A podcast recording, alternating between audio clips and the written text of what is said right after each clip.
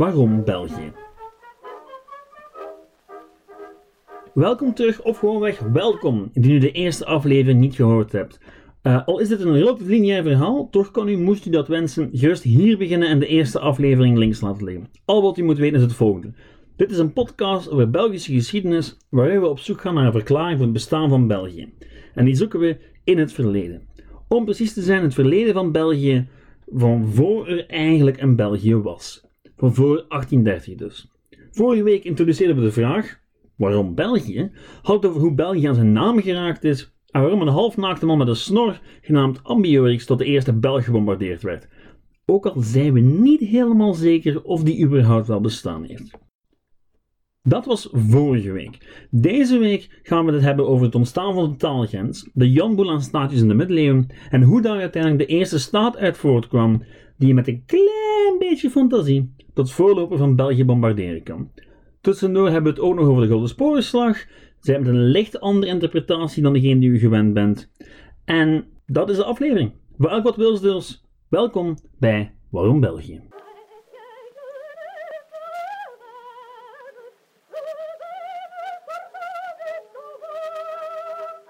Zoals ik vorige week al zei, moeten we voordat we echt kunnen doordringen tot het waarom van België, enkele kanshebbers identificeren voor het wanneer van België. Wanneer kon je zien dat België echt vorm aan het aannemen was? Zowel op cultureel vlak, op vlak van grenzen, op vlak van politiek. Vanaf wanneer zien we dat? Wel, aan het einde van deze aflevering gaan we het hebben over de eerste echte kandidaat voor die titel, zijnde het hertogdom Bourgondië.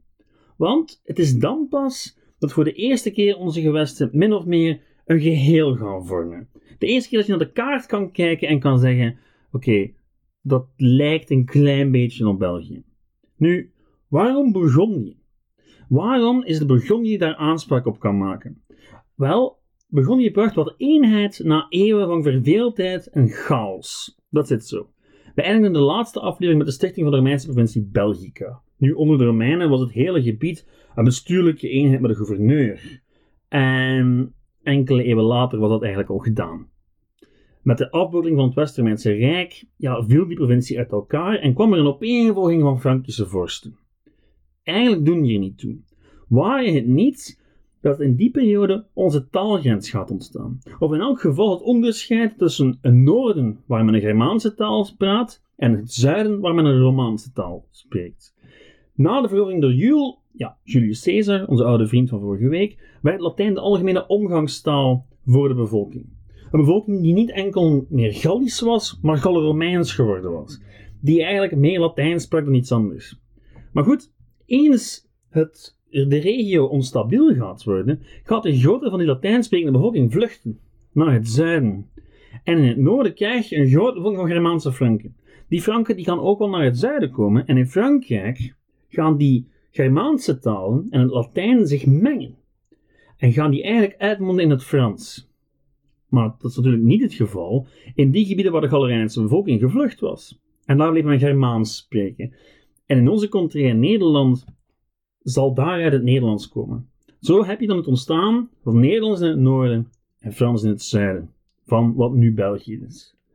Verder is al wat je moet weten in die periode dat er uiteindelijk een zeker Karl de Grote langskwam die een groot rijk bij elkaar veroverde. Een groot rijk dat, net als zowat alle grote rijken in de geschiedenis, uiteindelijk uiteenvallen zij na zijn dood in een Frans en een Duits deel. En de grens van dat rijk, wel, die liep zo wat dwars door het huidige België. Technisch gezien. Want technisch gezien was een deel van het huidige België deel van Frankrijk en een ander deel deel van Duitsland. Maar in de realiteit ben je daar niks meer met die wetenschap. In de realiteit hadden de Franse koningen en de Duitse keizers ja, eigenlijk niet heel veel te zeggen. De echte macht die lag bij de lokale vorsten. En goed, als die zin hadden om eventjes bij de koning van Frankrijk te horen, dan deden ze dat, anders wisselden ze gewoon van partij. Wat in het beste uitkwam. De namen van die vorstendommen, die klinken moderne België misschien wel bekend in de oren. We hebben het over de graafschappen Brabant, Vlaanderen, Henegouwen en Namen. En de hertogdommen Limburg en Luxemburg. Oh, en, en het prinsbisdom Luik natuurlijk. Uh, al wat u weten moet, Luik is het rare eentje in de bijt. Luik was geen graafschappen van hertogdom, nee, het was een prinsbisdom. Geregeerd door een bisschop. En In de hele pre-Belgische geschiedenis, tot aan de Franse Revolutie, zou het onafhankelijk blijven. Het is echt een, een heel raar dingetje. Later meer. Goed, dus als we het hebben over namen, Limburg, Luxemburg, hebben we het natuurlijk over de voorgangers van onze huidige provincies. Al, en dat is belangrijk, ze zijn er niet mee gelijk.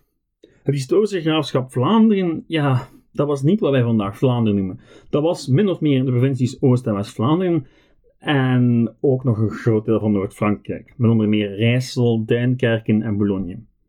In realiteit bestond die regio uit een, ja, een amalgaam van mini-staatjes. Mini-staatjes die constant met elkaar oorlog voerden.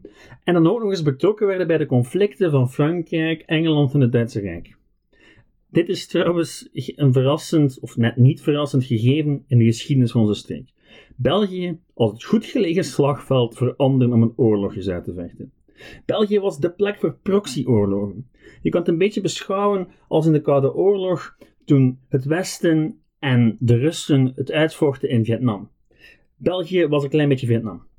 België was de plek waar men mannen en geld naartoe stuurde om tegen elkaar te vechten, maar niet rechtstreeks, maar via, ja, bondgenoten. En die bondgenoten, dat was dan het graafschap Vlaanderen, Brabant enzovoort enzovoort. Wie ook vaak opdook in deze periode, dat waren wat wij nu de Nederlanders zouden noemen. Vooral het graafschap Holland was heel actief. Eh, ook door een heleboel huwelijksallianties en die raakten ook betrokken bij elke grote of kleine oorlog. Nu, die Janboel gaat in de loop van de 14e en 15e eeuw iets ontstaan dat langzaam maar zeker gaat beginnen lijken op wat wij nu België noemen. Uh, en Nederland. Samen. Voorlopig. Nog even.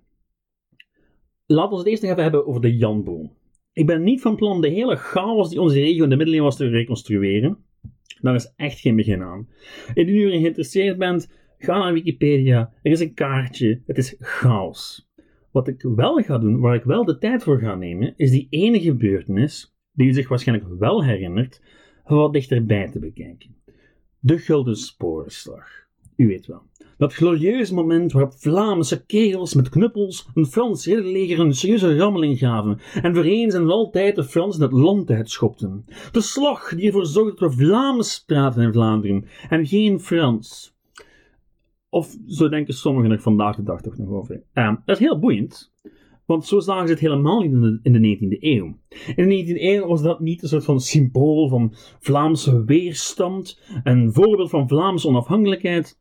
Nee, in de 19e eeuw, vlak na het ontstaan van België, was de voorbeeld van Belgische weerstand tegen buitenlandse overheersers. Ja, u hoort me goed. De Gulden Sporenslag als een Belgisch gloriemoment.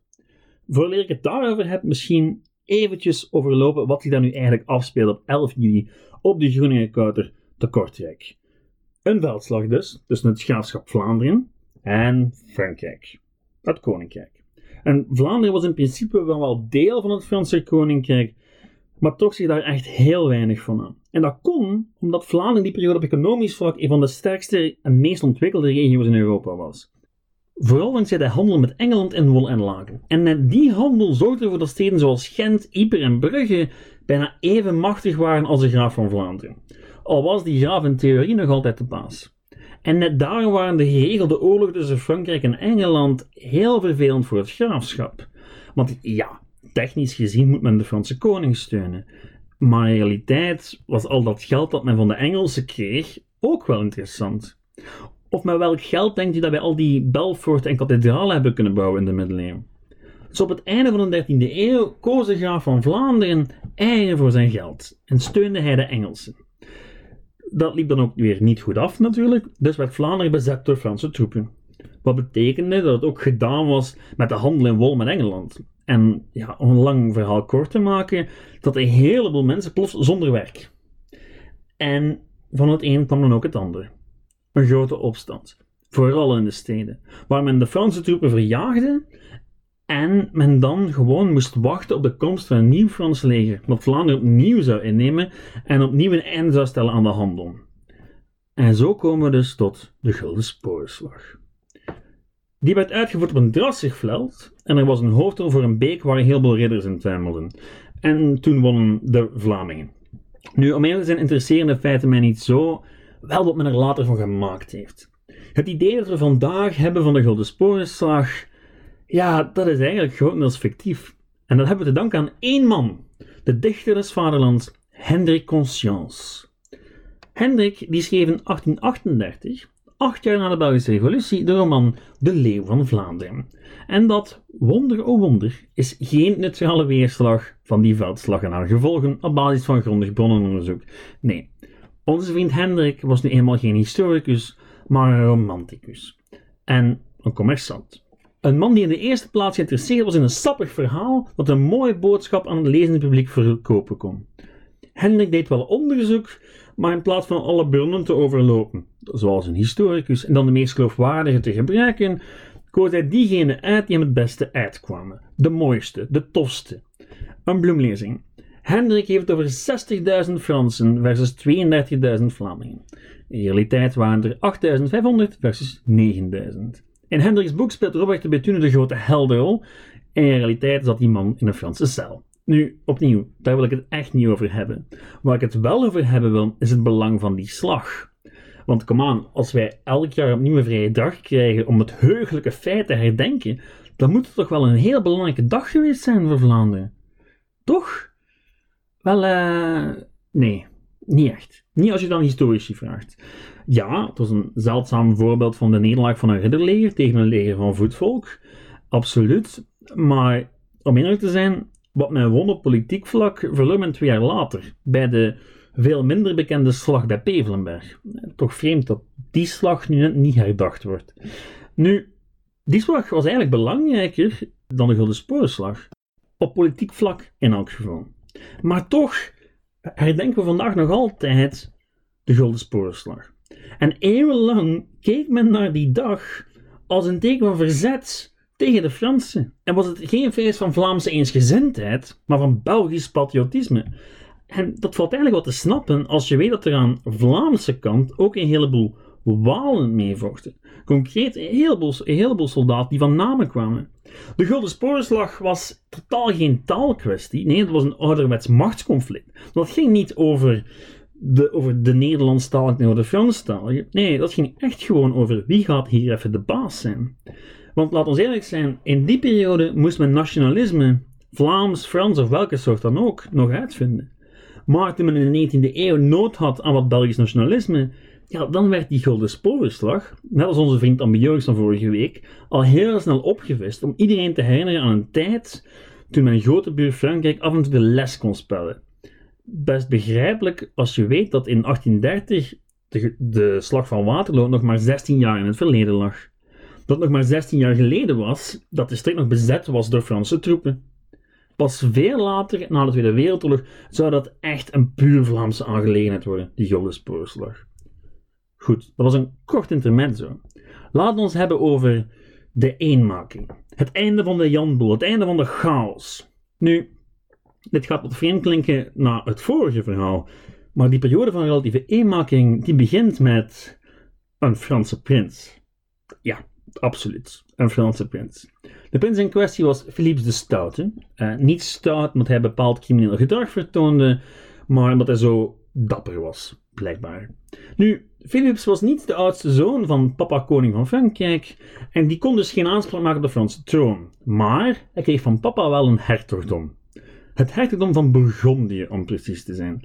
En dat hertogdom, dat gaat door een combinatie van dynastiek toeval, enkele slimme aankopen en een heleboel oorlogjes langzaam maar zeker greep krijgen op onze gewesten. En dat begon met een heel interessant geval van dynastiek toeval. Goed, kleine uitleg nodig. Wat is dynastiek toeval? Wel, dat zit zo. Zoals u zich misschien kan voorstellen, trouwden de zonen en dochters van graven en hertogen het liefst van met de zonen en dochters van andere hertogen en graven. Dat was ook heel nuttig, want het liet beide partijen toe om allianties te maken. En ervoor te zorgen dat de kans net dat ietsje kleiner werd, dat er tot een oorlog tussen beiden zou komen. Heel handig, zo'n dynastiek huwelijk dus. Alleen was het zo dat in de middeleeuwen, ja, het kon wel eens voorkomen dat door een combinatie van ziekte, moord en verloren veldslagen enkel nog een dochter overbleef, als de graaf of hertog de pijp aan Maarten gaf. En ja, die dochter, die werd dan natuurlijk gravin of hertogin van A.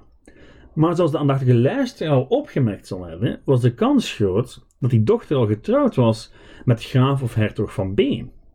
En hierdoor wordt de spruit van dit koppel laat dus de graaf of hertog van A en B.